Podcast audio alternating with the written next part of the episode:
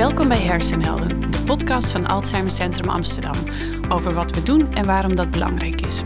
Elke episode spreken we met deskundigen die zich inzetten voor patiëntenzorg en wetenschappelijk onderzoek op het gebied van dementie, vooral op jonge leeftijd. Mijn naam is Jetske van der Schaar. Ik ben onderzoeker, proefpersoon en daarnaast ook presentator van deze podcast. Vandaag praten we over het organiseren van zorg voor mensen met dementie. Daarvoor hebben we niet één, maar twee experts aan tafel. Te beginnen met Freek Gillissen. Freek wordt gezien als een pionier in dit veld. Hij stond niet alleen aan de wieg van Alzheimer Centrum Amsterdam, maar is ook initiatiefnemer van het Odensehuis in Nederland. Als verpleegkundig consulent ondersteunt hij patiënten, mantelzorgers en hun kinderen. In de afgelopen 25 jaar is hij uitgegroeid tot een autoriteit op dit gebied. Van heinde en verre vragen collega's hem om advies over dementie op jonge leeftijd, zeldzame vormen en lastig gedrag. Daarnaast verzorgt hij voorlichting en onderwijs voor professionals, zoals verpleegkundigen en case managers. Zo kwam hij in contact met Wendela Erbrink, die tegenover hem zit. Zij is bestuurslid van Dementie Netwerk Nederland en netwerkregisseur van zowel Flevoland als Noordwest-Veluwe. Dit houdt in dat zij de samenwerking coördineert tussen verschillende partijen die zich inzetten voor het welzijn van mensen met dementie en hun naasten. Beiden zijn ze een spin in het web van de zorg. En dat is waar het vandaag over gaat. We hebben elkaar nodig. We moeten het samen doen. Freek Wendela, welkom in de show. Dankjewel. Dankjewel, Jetske. Laten we vandaag beginnen met die keten van zorg uh, waar, we het, uh, waar het vandaag over gaat. Stel je krijgt als patiënt een diagnose dementie hier in het Alzheimercentrum of ergens anders. En dan, hoe kom je daarachter wat je moet regelen, welke ondersteuning er is en hoe, die, en hoe je de juiste zorg krijgt? Freek, kun jij daar iets over zeggen? Ja hoor. Nou ja, wat belangrijk is, is dat, dat je goed naar mensen luistert, wat hun behoeften zijn. Um, en hoe, hoe zeg maar, de diagnose binnenkomt. En ik kan me voorstellen, en dat heb ik regelmatig, dat als iemand de diagnose heeft gekregen, dat hij dan niet direct zit te wachten op een verhaaltje over van alles en nog wat. Dan maak ik een, een aparte afspraak. Maar verder is het heel belangrijk dat je mensen vertelt, luister, hier gaat een ziekte in. Um, die is niet 1, 2, 3 afgelopen. Dat kan best wel een aantal jaren duren. En wat heel belangrijk is, is dat je daarbij goede ondersteuning krijgt, zo dicht mogelijk bij huis. Wij zijn een centrum wat veel mensen krijgt uit heel Nederland. En ik ga niet op mijn fiets uh, bij iedereen langs. Dus het is heel belangrijk dat ik mensen verwijs naar de organisaties die goed op de hoogte zijn. En case managers leveren in het gebied waar mensen wonen. Je noemt nu de case manager. Uh, Wendela, jij coördineert ook onder andere de case managers. Wat is een case manager? Ja, een case manager is eigenlijk een persoonlijk begeleider voor mensen met dementie en hun naasten. Um, dat is of een verpleegkundige of een maatschappelijk werker die speciale opleiding heeft gehad uh, over dementie en over het begeleiden van, van het hele ziekteproces. En die case manager die kan dus vanaf het begin eigenlijk, uh, ja, zelfs als er nog geen diagnose is, hè, er zijn geheugenproblemen of een niet pluis gevoel, hè, het idee dat er iets mis is, dan kan die case manager al komen. Die komt thuis bij de mensen en ja, die begeleidt ze in het hele proces. Dus zowel op uh, regelvlak, zeg maar, allerlei ja, inzet van zorg, als op het uh, ja, psychosociale vlak, alles wat erbij komt kijken. Ja. En, uh, we zijn in Nederland vaak uh, kritisch op onze zorg. Maar ik begreep dat die case manager iets is waar ze in het buitenland ook met belangstelling naar kijken. En Freek? Ja, ik heb veel contacten met mensen in heel Europa. En iedereen is eigenlijk heel jaloers op het systeem van case managers wat we hebben. Eigenlijk, um, eigenlijk in heel Europa zijn mensen afhankelijk van wijkverpleegkundigen. Die zeg maar generaal werken, die niet specifiek alleen maar werken voor mensen met dementie. En zeker de groep waar ik veel mee werk, de jonge mensen met dementie, daar hebben de meeste mensen helemaal geen verstand van. Dus in die zin mogen we trots zijn op het systeem. Het is al een aantal keren fors bedreigd. Er wordt ook op gemopperd dat het duur is en uh, moeilijk, moeilijk. Maar ik denk dat we er heel trots op moeten zijn en het uh, in stand houden en verbeteren. En uh, wanneer komen jullie dan in beeld? Want uh, zo'n patiënt krijgt samen met de mantelzorg een case manager toegewezen. Die kan eigenlijk bij alles helpen, als ik het zo begrijp. En wanneer komt er dan een vraag op jouw bord, Wendela? Um, nou, je moet mij eigenlijk zien als een coördinator van het hele gebeuren. Dus ik kom zelf niet bij de mensen thuis. Ik ben wel aanspreekpunt voor de case managers. Um, ja, en meer voor de grote lijnen van wat zijn onze werkafspraken. Um, uh, scholing voor case managers regel ik. ja, samenwerkingsafspraken tussen organisaties. Dus ik ben eigenlijk wat je net al zo noemde, spin in het web van een heel netwerk. Een heel netwerk van partijen. Um, waarvan uh, sommige partijen echt zorg leveren, zoals wijkverpleging. Maar ook uh, woonlocaties, die, um, ja, zoals verpleeghuizen. Want daar hebben we natuurlijk ook een nauwe samenwerking mee. Welzijnsorganisaties, hè, dus organisaties die activiteiten organiseren voor mensen met dementie. En mantelzorgers. Mantelzorgondersteuning is een heel belangrijk thema in het netwerk. Dus er zijn een heleboel thema's eigenlijk waar ik me ja, een beetje mee bemoei. En waar ik uh, voor ja, een beetje probeer te zorgen dat dat goed loopt onderling. Dat, uh, ja, dat we met elkaar goed samenwerken. Dat is wel echt uh, ja, de rode draad, denk ik. Ja, ja, ja, precies. Maar stel dat zo'n case manager ergens tegenaan loopt en er zelf niet uitkomt en in dat enorme netwerk ook niet weet uh, waar die aan moet kloppen. Is dat dan het moment dat ze terugkomen bij jou, Freek? Ja hoor, dat kan. Ik geef uh, altijd aan alle mensen mee. Luister, ik ga een case manager regelen. U heeft een, een zeldzame vorm van dementie. En ik kan me voorstellen dat de, de case manager daar nog nooit van gehoord heeft. Die mag mij altijd bellen. En mensen krijgen mijn e-mailadres, mijn telefoonnummer mee. En ik heb in toenemende mate steeds vaker heb ik contact met case managers die zeggen van... nou, denk nou eens mee, want hier snap ik niks van. Of dit ziektebeeld, wat is dit nu weer? Uh, en, en dan gaat het vaak om ziektes die, ja, daar komen er tien, tien mensen van in Nederland. Dus ik kan me voorstellen dat je dat nooit tegengekomen bent. En wat ik eigenlijk wel ook een, een gave vind van zeg maar, uh, de COVID-periode, is dat, we, dat ik steeds vaker word gevraagd voor een MDO. Waarbij een huisarts, een SO, een dus, case dus, uh, moet je specialist oudere MDO is multidisciplinair overleg. Ja, zeg maar een overleg waarbij de huisarts aanwezig is, specialist oude geneeskunde, de case manager, soms uh, de partner. Maar dan word ik gevraagd vanwege de expertise.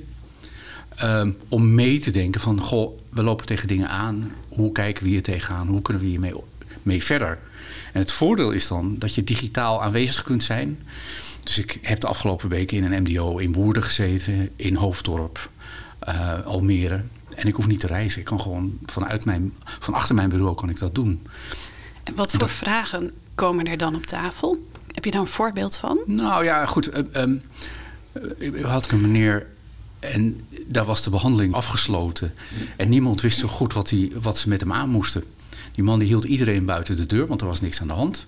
Terwijl hij toch een, een, een ernstige dementie had. Um, een gehandicapt kind waar hij uh, het een en ander mee deed. De huisarts was onervaren. De specialist oudergeneeskunde die had nog nooit met zo'n ziekte gewerkt. En de case manager, althans degene die beweerde dat hij case manager was... was een wijkverpleegkundige die geen ervaring had met, met dementie. En die hadden alle drie zoiets van, help, nu weet ik het ook niet meer. Nou, dan kun je met hele praktische tips kun je um, iemand weer verder helpen. Hè. Dat, bij deze vorm van dementie zie je veel dwangmatig gedrag, obsessief gedrag. Een beetje kinderlijk gedrag ook, hè, puberaal. Dat mensen stiekem dingen doen, dingen geheim houden. Uh, die man die hield zich niet aan de regels die gesteld waren door de woonvoorziening waar zijn gehandicapte zoon woonde. Dus er ontstonden alsmaar steeds meer problemen. En zij kwamen er niet uit en kregen ook geen vinger erachter. Nou, dan maak je werkafspraken. Dus ik ga de partner weer verder begeleiden. De case manager gaat verder met de patiënt. En de specialist oudergeneeskunde gaat een keer onverwachts bij die meneer bezoeken om eens te kijken van hoe hangt de vlag ervoor en hoe word ik bejegend. Ja, en het zou heel goed kunnen dat die meneer um, over een maand gedwongen opgenomen gaat worden, omdat de situatie thuis helemaal uit de hand liep. En dan zie je, dan kun je met kleine vingerwijzingen een aantal hele goede werkafspraken, kun je wel goed zorgen voor zowel de persoon met dementie als de mantelzorger, als zeg maar de, de omgeving. In dit geval ja, toch een, een, een weerloze gehandicapte zoon. Ja, en dat vind ik wel belangrijk. En daarin heb je, ja, kun je niet zonder elkaar. Je moet samenwerken. Dat is belangrijk. Ja. Jij bent ook gespecialiseerd in dementie op jonge leeftijd. Komen daar echt andere uitdagingen bij kijken als het gaat om de zorg thuis? Jazeker, ja. Mensen hebben vaak financiële problemen. Hebben zitten in een arbeidsconflict of dreigen ontslagen te worden. Hè, dus dan, dan zie je. Soms zie je dat mensen door hun dementie niet betaald hebben, dreigen op straat gezet te worden. Vaak ook ehm, kinderen met jonge gezinnen. We hebben echt gezinnen waar nog kinderen van 4, 6, 8, 10 zijn. Maar ook gezinnen waarbij zeg maar vijf pubers zijn tussen de 10 en de 20. Nou, zo'n partner zegt dan vaak: Ik had vijf pubers, ik heb er nu zes. Dat zijn totaal andere problemen als de gemiddelde 85-plusser. Veel meer levensfaseproblematiek, veel meer rouw. Ehm, ja, ook, ook ontregeling van kinderen. Kinderen die in de psychiatrie opgenomen worden omdat ze depressief zijn door het proces wat hun vader en moeder doormaakt. Dus dan zie je dat, ehm, ja, dat het echt een apart vak is. En je moet ook veel meer weten over sociale wetgeving. Wat moet je doen als werknemer? Wat gebeurt er als je een eigen bedrijf hebt? Als je een eigen bedrijf hebt en je, je moet autorijden, ja, dan mag dat niet meer. En dat heeft heel veel complicaties.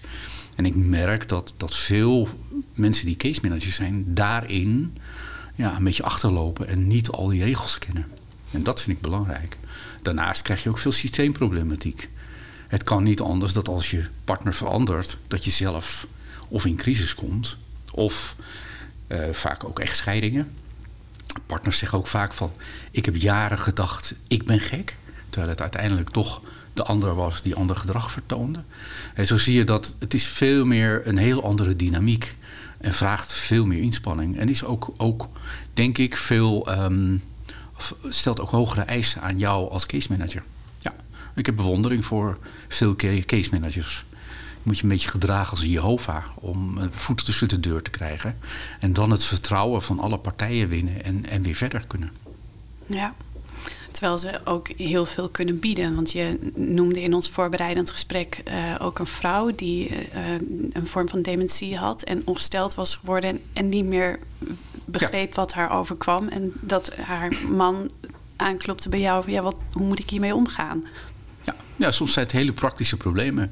En dat de case manager ook zoiets had van, ja, moet ik hier nou mee? Nou, dan probeer je mee te denken en dan kom je uiteindelijk op de oplossing van een prikpil. Dat geef je één keer in de zes maanden en dan, en dan ben je van die hele problemen grotendeels af. En maar soms ja, moet je gewoon even gewoon sparren aan de telefoon of via Skype kijken van, goh, waar lopen we nou tegenaan? Wat is het probleem? Ja, en zeker als je heel lang meegaat, dan heb je de meeste problemen wel een keer uh, meegemaakt. Dat is het voordeel van ouder worden. Ja, dat klopt.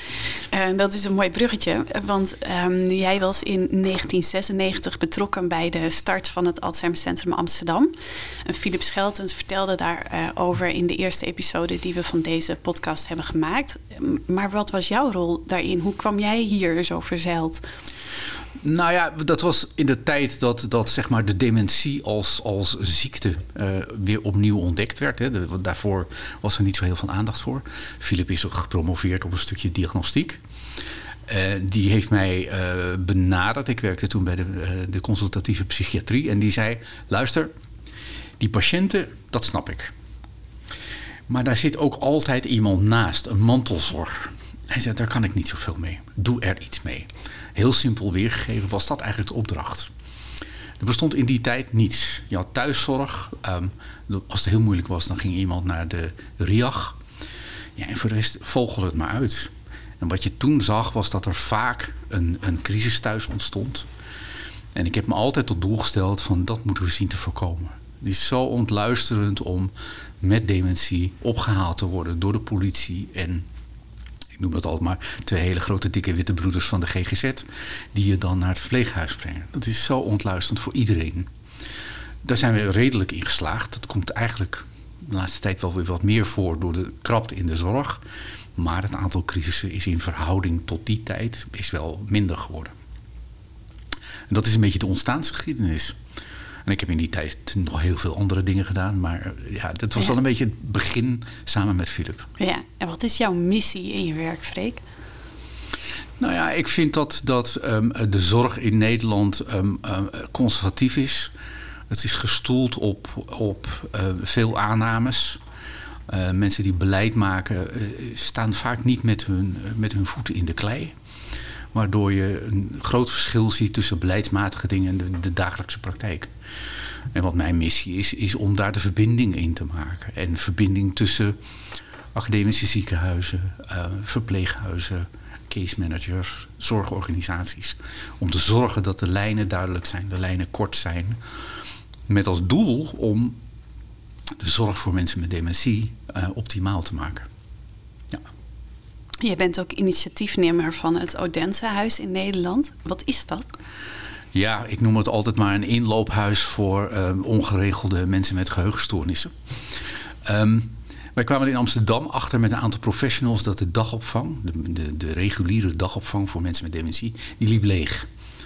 Het was een hele inspiratieloze omgeving. Mensen kwamen, kregen een krantje, kregen een kopje koffie en dus middags om drie uur mochten ze dan weer naar huis.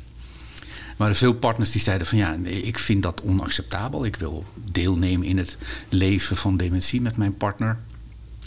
Ik wil participeren. Dat was overigens al jaren voordat de participatiewet eh, van, van kracht werd. En toen zijn we gaan zoeken van ja, maar wat kunnen we mensen dan bieden en hoe ziet dat er dan uit? Um, we hebben toen een genootschap opgericht, het Zuiderkerkgenootschap. En, en, daar zaten mensen van de zorg, van de gemeente Amsterdam, zorgverzekeraars, van de twee academische ziekenhuizen. En op een gegeven moment kwam iemand met een artikel van uh, Peter Pedersen uit uh, in Denemarken. En die had een soort opa inloophuis voor mensen met dementie. En hun partner, familie en belangstellenden. En dat idee hebben we gejat. En als pietijd naar uh, Peter Pedersen hebben we het, het Odense huis genoemd. En eigenlijk is het een, een huis voor mensen met dementie en hun systeem. Wat ook grotendeels draait op hun. Hè. Dus partners spelen een belangrijke rol. Um, vaak zijn het de buren die de deur open doen. Um, de buurt anticipeert daarin. Uh, mensen lunchen daar gezamenlijk. Ze hebben vaak ook wel een systeem waarin ze elkaar waarschuwen van... hé, hey, het is vandaag donderdag. We hebben afgesproken dat we naar het Odense huis gaan. Mensen halen elkaar op. Er zijn zorgpauzes waarbij... Uh, mensen met een coördinator vier, vijf dagen naar een boerderij gaan in Noord-Holland. Uh, er is midden in Amsterdam is er een volkstuin waar ze samen groenten kweken. Er is een wandelgroep. Uh, er, is een, um, er zijn veel jazzmuzici die uh, daar binnenkomen. Die samen met Amerikaanse jazzmuzici en het Bimhuis samen um, improviseren. En zo zie je dat, dat mensen met dementie best nog heel veel kunnen. Alleen ja, daar moeten ze wel de gelegenheid voor hebben. En dat is het Odense huis. En waar ik wel trots op ben, is dat er inmiddels al zo'n 35 Odense huizen zijn in, in Nederland. Dat het een heel mooi voorbeeld is. En we hebben gedacht van ja, we moeten dat concept moeten we, moeten we heel goed bewaken. Dan moeten dan strenge regels zijn. En toen zijn we gaan nadenken. Toen dachten van ja, dan gaan we weer hetzelfde doen als veel organisaties doen. We gaan regels stellen, we gaan het bewaken en uh, je moet dan geld inleggen, want anders mag je het concept niet gebruiken. En we hebben gezegd nee. En dat zie ik ook. Als, uh, ik woon zelf in Zeeland. Als ik naar het Odensehuis in Zierikzee of Vlissingen ga, dat heeft een heel andere invulling dan in Amsterdam of als in Friesland. En dat is ook goed, want Friesen zijn andere mensen dan Amsterdammers. En dat moet ook zo kunnen. Het sluit aan bij de behoeften die mensen hebben. Ja. Dat is belangrijk. Ja, in, in Flevoland is ook zo'n Odense huis, hè? Uh, ja, er zijn er een paar. Ik moet zeggen dat uh, ik daar nog niet zo heel erg bij betrokken ben. Um, ik ben wel um, ook een keer in Amsterdam geweest. En ik vind het wel heel mooi wat Freek ook zegt over de behoeften van mensen. Um, dat, uh, dat heel gekeken wordt naar wat die persoon belangrijk vindt. En ja, dat is wel heel erg mijn missie ook. Als ik even het bruggetje naartoe mag maken. Want ja, ik, ik denk dat het heel belangrijk is dat er niet zeg maar, de standaard activiteiten worden aangeboden. Dat gaat ook gelukkig steeds minder uh, wordt dat al uh, gedaan. Uh, maar dat mensen echt de kans krijgen om zelf invulling te geven aan wat zij belangrijk vinden. En dat, ja, daar is het Odense Huis een heel mooi voorbeeld van. Ik weet dat ook in dat concept is opgenomen dat mensen zelf met elkaar, met mantelzorgers en professionals en vrijwilligers en de mensen zelf, ja, de activiteiten eigenlijk verzinnen. Van joh, wat gaan we doen? Wat vinden wij, wat vinden wij als de groep die er nu is leuk en belangrijk? En ja, dat sluit heel erg aan bij mijn uh, missie van uh, dat mensen ja, moeten doen wat van betekenis voor ze is. En sterker nog, ook van betekenis te kunnen zijn voor anderen. Want dat is iets wat ja, veel mensen van dementie eigenlijk heel erg missen. Dat ze dat, dat niet meer, ja, dat ze die gelegenheid eigenlijk niet meer krijgen. Om er voor een ander ook nog te zijn. Ja. Je hebt daar ook een project over gedaan, toch? Over zingeving eh, in de activiteiten voor mensen met Ehm, dementie. ja, er loopt op dit moment in Flevoland een eh, onderzoek... eh, wat door een provinciale organisatie wordt, wordt gedaan... ehm, naar ja, wat betekenisvolle activiteiten zouden kunnen zijn voor mensen met dementie. Daarvoor worden de mensen zelf benaderd, geïnterviewd. Ook de mantelzorgers worden geïnterviewd. En ehm, ja, dat is nu gaande dit kwartaal. Dus ik ben heel benieuwd wat eruit gaat komen. Ja, je Ja. hebt nog geen eh, eerste resultaten. Nee, nee, we zijn net begonnen. Dus eh, dat is heel spannend en heel leuk. Ja, ik Ja. ben benieuwd wat eruit komt. Ja, ik ook. Ja. ja. En ik las dat eh, jullie je dit jaar ook gaan richten op eh, patiënten met een migratieachtergrond. Klopt dat? Ja, dat klopt. Ja, we gaan eh, veel meer eh, inzoomen op die groep inderdaad. Om te kijken van, hé, hey, ehm, ja, hoe is het voor hun eigenlijk anders dan voor eh, mensen met een niet-migratieachtergrond? Ehm, hoe komen mensen bij hulp? Ehm, dat is vaak een heel ander proces wat ze ingaan. Ik heb begrepen dat in veel groepen ook ja, dementie niet zozeer als ziekte wordt gezien, maar als, ja, dat hoort nou eenmaal bij ouder worden. Um, dus dat geeft een heel andere invulling ook van natuurlijk hulpverlening en zorgverlening. Dus dat is wel heel interessant. Ik weet er nog niet voldoende vanaf. Dus ik laat me ook scholen dit jaar. En uh, daar gaan we naar kijken. Hoe kunnen we deze mensen vinden? Hoe kunnen we zorgen dat deze mensen ook hulp krijgen? En ja, de, de aandacht en de zorg die ze nodig hebben. Dus Ja. dat, uh, het wordt wel interessant, denk ik. Ja, Ja. mooi dat jullie daar eh, specifiek op inzoomen ook. Ja. Het thema van deze podcast is hè, dat we het samen moeten doen. En ik stel me zo voor dat je eh, als luisteraar, en misschien bij patiënt, misschien bij mantelzorger, is, is er iemand in je omgeving. Ehm, voor mensen die te maken hebben met dementie is het niet altijd makkelijk om om hulp te vragen. En aan de andere kant is het voor eh, mensen uit hun omgeving soms ook lastig om hulp te geven. Als luisteraars hiermee worstelen, eh, hebben jullie dan tips eh, ehm, hoe ze hun eigen netwerk in kunnen zetten?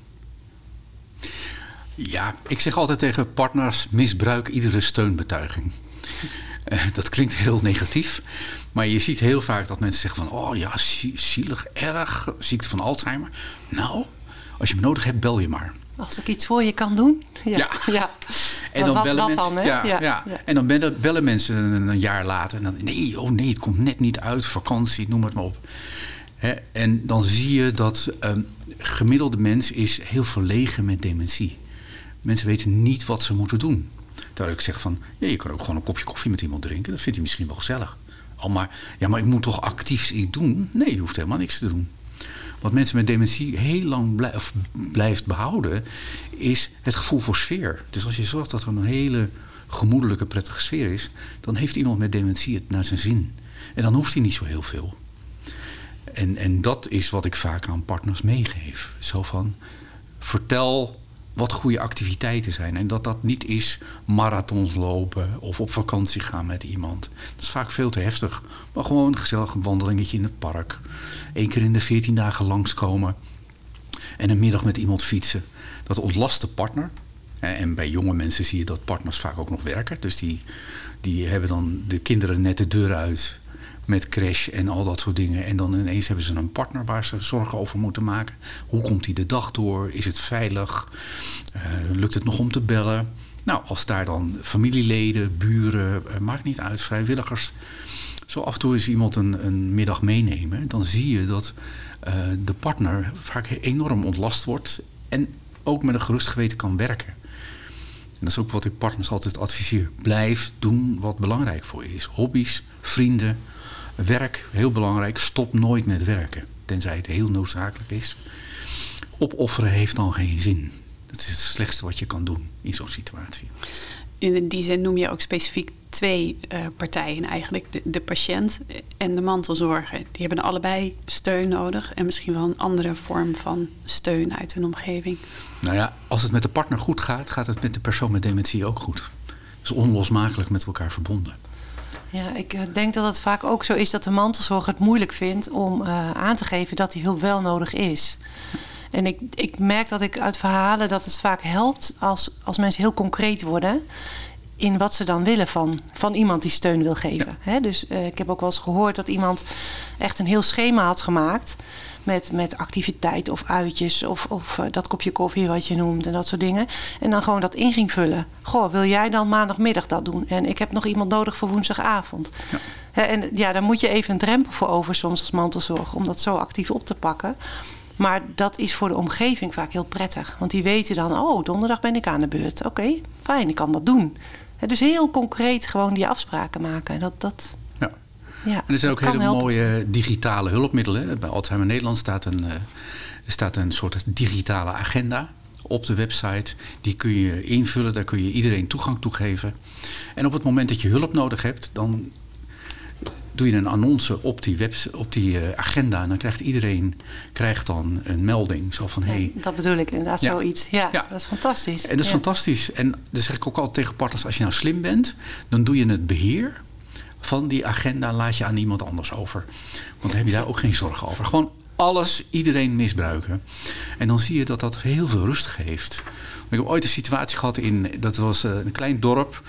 En daar hebben we twee jaar lang hebben we iemand met kwaliteit van leven hebben we thuis laten wonen. En dat had iedere ochtend, iedere werkdag van, van 7 tot 9 zat daar iemand van de familie, van de buren. Gewoon omdat die persoon met dementie niet meer alleen durfde te zijn. Freek, jij noemt het woord misbruik. En zo voelt het misschien voor een, een patiënt of een mantelzorger ook wel. Maar eigenlijk is het gewoon gebruik maken van het aanbod wat er ligt. Ja, ja, dat klopt. Ik zeg het altijd een beetje, een beetje cynisch, ook om een beetje mensen uit hun tent te lokken. Hè. Die hebben toch het gevoel van, ja, ik, kan ik dat wel vragen? En eh, is het allemaal niet te veel? En dat zie ik heel vaak bij partners die, die denken heel veel voor anderen. Zo van, ja, het zal wel niet kunnen. En uh, mensen houden ook vaak de kinderen buiten de deur. En zeggen van, ja, kinderen, druk, druk, druk, kinderen. Uh, en dan ook nog een baan en een opleiding. Dat kan er allemaal niet bij. Dan zeg ik altijd van, nou, dan is het hun eigen verantwoordelijkheid om te zeggen van, ja, ik kan niet. Of ik kan wel. En eigenlijk zie je dat als je een appel doet op anderen, dat um, iedereen bereid is om dingen op te pakken. Alleen zie je dat vaak mantelzorgers veel te laat hulp vragen. Die gaan hulp vragen op het moment dat ze bijna verzuipen. En dan ben je te laat, want dan ben je heel veel mensen kwijt. Um, dan zie je dat de persoon met dementie al fors achteruit gegaan is, waardoor het contact maken lastiger is. Dus dan kun je beter samen uh, dingen oppakken in een vroeg stadium, waardoor er een soort gewoonte uh, van komt. Ik weet nog ik, laatst zag ik het interview met Frank van der Linden. Met zijn, uh, zijn vader had ziekte van Alzheimer. En hij vertelde, mijn vader kon niet zo heel veel meer. Maar we hadden de afspraak, we gaan regelmatig samen fietsen. En dat was voor hun beiden waardevol. En dat kun je ook als vriend of als buurman of maakt niet uit wat. Hè. De vrouw waar ik het daar straks over had. Eh, in dat kleine dorp, daar was iemand die ging gewoon twee keer per week met haar naar de sportschool. En die gingen samen naar de sportschool. En de sportschool zei van luister, ik zie waar het voor is. Jullie hoeven maar voor één te betalen. En zo zie je dat op het moment dat je openheid hebt en gewoon heel transparant bent, dat mensen bereid zijn heel veel te doen voor je. Alleen je moet wel, als mantelzorger, moet je enorm over die drempel heen stappen.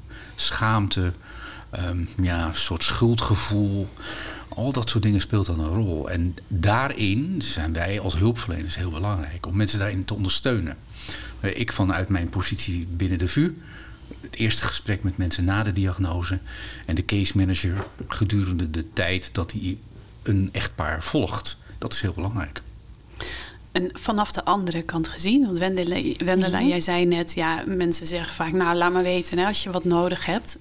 Um, wat is een betere vraag om uh, bij een patiënt of een partner neer te leggen? Of een beter aanbod? Um, ja, dus, dus vanuit degene gezien die uh, zelf iets zou willen doen. Die een beetje aan de zijlijn staat en die denkt van wat kan ik uh, doen om te helpen. Ja, ook daarvoor denk, denk ik dat geldt, wees zo concreet mogelijk. Dus ga gewoon echt goed doorvragen op wat er nodig is in de situatie. Waar zou jij mee geholpen zijn? En uh, ja, de, een redelijk vaag aanbod van ja, wat kan ik voor je doen? Dat is, te, dat is te moeilijk. Dat is te moeilijk voor iemand die het lastig vindt om hulp te vragen. Dus wordt gewoon heel concreet. Van hé, hey, wat zou je ervan vinden als zoiets. Hè? Dus ja, dat is gewoon ook uitproberen natuurlijk. Je weet dat niet van tevoren. Wat iemand, uh, ja, waar iemand wat aan heeft. Dus uh, het is voor beide kanten lastig, uh, denk ik. Maar ja, zo concreet mogelijk worden zou echt mijn advies zijn. Ja. Helder. Daar heb ik ook nog een mooi voorbeeld van. Ik had een, ook een jong echtpaar. Hadden kinderen in de puberleeftijd. Nou, die man, die, ja, dat, dat, ja, heel apathisch, veel stil teruggetrokken thuis. En een onderwijzer was uh, zeg maar hun buurman. En die heeft uh, de kinderen veel begeleid met het maken van, kind, met, van huiswerk. Nou, dat is een hele concrete vraag. Waarbij je een echtpaar heel goed kunt ondersteunen. Een stukje support voor de kinderen. En dan denk ik van, hoe simpel is het dan? Hè? En daar ligt het vaak. Het is heel simpel, alleen je moet er wel opkomen. En het gaat dan om heel goed luisteren naar wat is de behoefte. Wat lukt wel, wat lukt niet.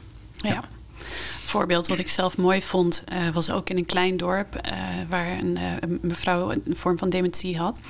En dat iemand uit het dorp, ja, die liet dagelijks haar hond uit en die vroeg dan die patiënten om mee te lopen.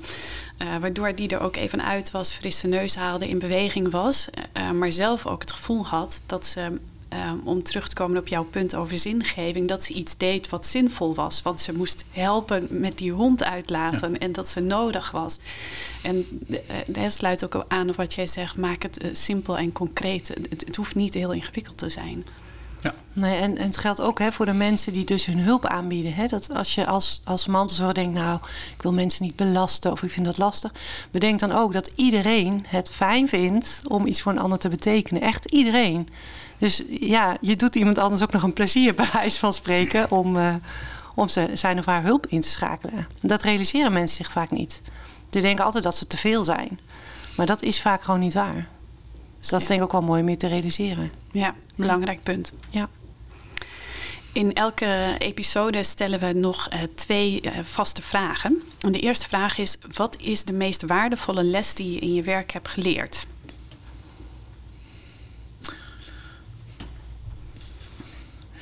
Nou, eigenlijk, eh, ja.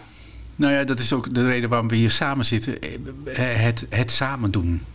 Zoeken naar mensen die dezelfde ideeën hebben en daar um, voor gaan. En, en samen bouwen aan, aan goede netwerken waar de mensen die een appel doen op je iets aan hebben. En, en dat vind ik ook belangrijk. Ik spreek met mensen over case managers en dan wil ik ook um, ja, toch 100% zeker weten dat de kwaliteit van het case management goed is.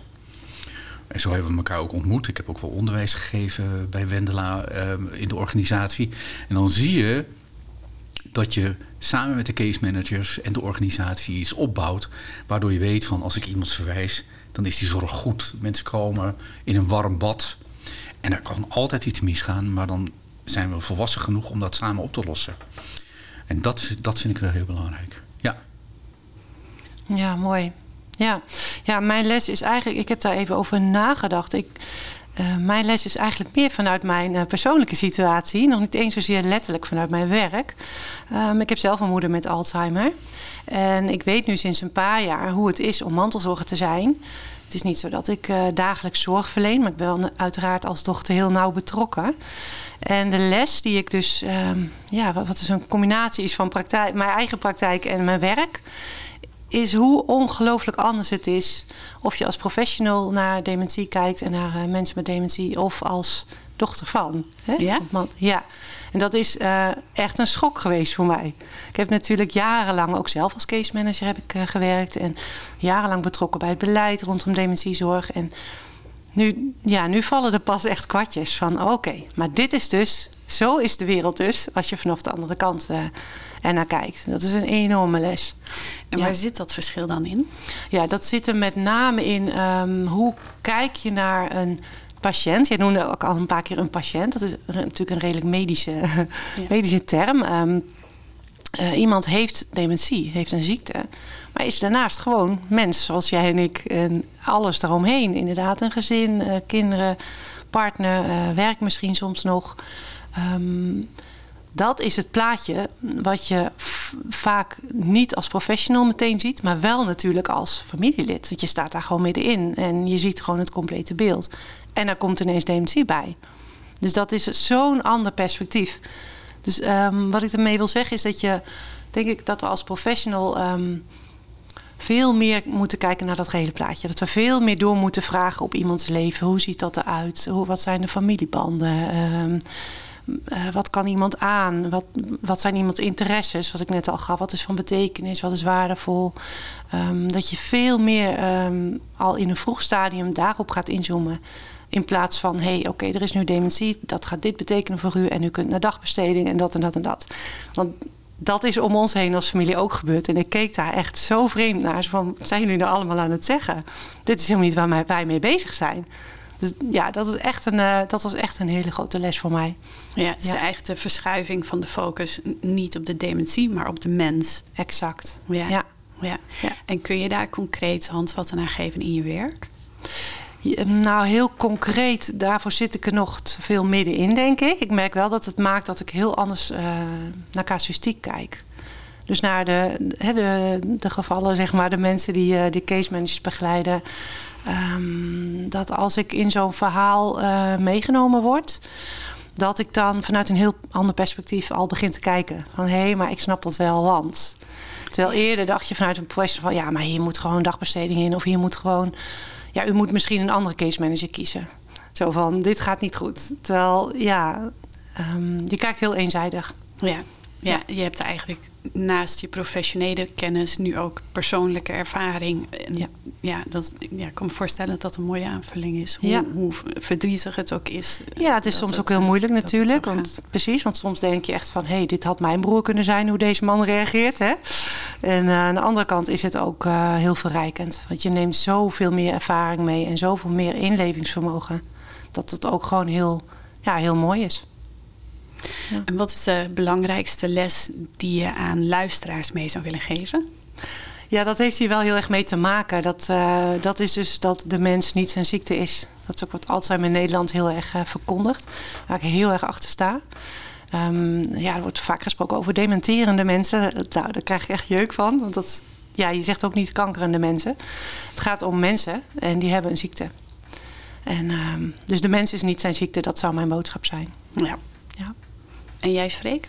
Nou ja, dat sluit wel heel erg aan. De Vlamingen hebben daar een enorme mooie zin over. Vergeet de dementie, onthoud de mens. Oh, wauw. En dat, is natuurlijk, dat geeft weer wat, de essentie van het verhaal. En ik denk dat we um, um, dementie moeten demedicaliseren. Het is een ziekte um, die mensen treft, maar met name je cognitieve beperkingen geeft. Maar daarnaast kun je naast iemand in de tram zitten die dementie heeft. En daar valt niks op. Dus zo kunnen we ook met mensen omgaan. Vragen wat hij wil, mensen uitnodigen. En ik denk dat ook mijn grootste droom is, is dat al die grote verpleeghuizen verdwijnen. Kleine locaties, dicht op de wijk, in de wijk. Waarbij mensen ook vanuit de thuissituatie kunnen anticiperen. Waarbij uh, kleine kinderen kunnen binnenlopen. En je ziet oude mensen en kleine kinderen, dat is fantastisch. Zeker met dementie. Mooiste voorbeeld vind ik Kraka Esewa. Dat is in Amsterdam Zuidoost. Daarbij is de dagbesteding, een crash en de jongerenopvang zitten in één gebouw. En alles loopt dwars door elkaar heen. Surinaams, Antilliaans. En al die mensen die daar op de dagbesteding zitten, hebben allemaal kleinkinderen erbij gekregen. En al die, al die slungels die daar zitten voor de dagbesteding voor jongeren, die lopen allemaal bij die ouderen binnen en die maken een grap en die lopen al, al um, rappend lopen ze naar binnen. En die ouderen vinden het fantastisch. En dan denk van, dat is de wereld die we moeten zien te creëren. We hebben, we hebben een enorm gebrek aan, aan mensen die in de zorg willen werken. Dat ligt voor een groot deel ook aan de zorg zelf. Maar we zullen moeten anticiperen en dat houdt in dat we de mensen met dementie dicht bij de maatschappij moeten brengen. En dat is mijn droom. Mijn droom was ooit lesgeven samen met mensen met dementie. En partners met dementie. Die is uitgekomen, dat doe ik inmiddels. Um, en nu nog allemaal gewoon in, tussen de mensen wonen. Dat is denk ik belangrijk. Ja. We begonnen de uitzending met uh, dat die case managers voor Nederland uh, uniek zijn.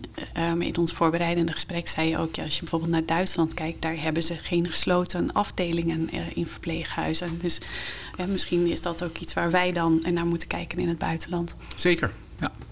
ja. Maar ik denk ook wel eerlijk gezegd dat dat gaat gebeuren. Ik denk dat er nu zo, ik zie zoveel beweging zeg maar in de maatschappij. En nou, natuurlijk ook heel erg door, uh, door Teun Toebus bijvoorbeeld. Hè, heel erg aangezwengeld deze discussie. Uh, maar ik denk dat hij verwoordt wat heel veel mensen al heel lang aanvoelen. Voelen, dat het niet oké is dat je mensen opsluit. Dat je mensen achter een gesloten deur zet. Um, als ik nu kijk naar mijn moeder, we zijn bezig met een woonvorm voor haar.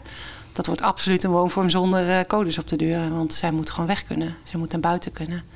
En ja, de zorg moet veranderen en moet zorgen dat de mensen dan maar weer opgespoord worden. En uh, er zijn genoeg mogelijkheden voor om het toch veilig uh, te houden. Maar niet dat kleinerende van uh, van tevoren al, al die veiligheid in, inbouwen. Ja. Dat is gewoon geen vrijheid. We leggen in deze podcast uh, elke episode ook een uh, mythe voor, of een alternatieve theorie, aanpak of behandeling. En voor jullie heb ik de stelling: het is beter dat patiënten zo lang mogelijk thuis blijven wonen. Wat vinden jullie daarvan? ja, dat is het meest vreselijk wat er is. ja, nee, het, het, klopt niet. Ik zie zoveel mensen thuis, soms ook alleenstaande, um, nog lang thuis wonen in eenzaamheid, met angst. Um, omdat de familie vindt dat het beter is. En dat is ons ook allemaal verteld door een heleboel mensen. Het is beter om zo lang mogelijk thuis te blijven. Dat is echt een mythe, dat klopt niet. Het doet mensen pijn, het, levert mensen heel veel angst op. En vaak zie je dat als mensen eenmaal de gang naar het verpleeghuis gemaakt hebben, dat, dat ze opknappen. Dat ze rust hebben, stabiliteit hebben en veel prettiger functioneren. Het lastige is natuurlijk wel, Freek, dat de mensen met dementie zelf heel erg vasthouden aan ik wil thuis blijven. Hè? Da daar heb jij ook een theorie voor hoe dat zit. Hè? Dat, dat is misschien ook wel goed om nog even aan te halen. Nou ja, mensen hebben toch, toch veel minder ziektebesef. Dus, dus die blijven hangen in hun autonomie, maar zien niet wat, wat ze allemaal misdoen. Dus ja, mensen zijn dan op die, op, in die zin zijn ze niet wilsbekwaam. Ze snappen niet wat hun wil kwaad doet aan zichzelf. Ze begrijpen niet wat de gevolgen zijn van een keuze. Hè? Dat, nee. Uh... nee. En vaak gaat familie en hulpverleners ook overigens, gaan daar heel ver in mee. En het doet vaak meer kwaad dan dat het goed doet. Die gaan mee, bedoel je in het gevoel van ik wil niet en ik wil hier blijven. Dat, nou, dat, dat familie verhaal. zegt van, hij is er nog niet aan toe. En ja. dan, dan zegt de zorg ook van, nee, maar die meneer is er nog niet aan toe. Terwijl ik denk van, als ik dan iemand zie, zie functioneren, hè, die dan um, de hele nacht de familie belt. Want ja, die weet, die is de klok kwijt. En dat de familie ons belt en klaagt over het feit dat ze de hele nacht gebeld worden. En dan zegt van ja, uh, ik heb geadviseerd om te verhuizen naar een verpleeghuis. Daar kan die rustig slapen. Daar is altijd iemand aanwezig. Ja, dat mensen daar dan toch in blijven hangen in de wens van de persoon met dementie om dan thuis te blijven.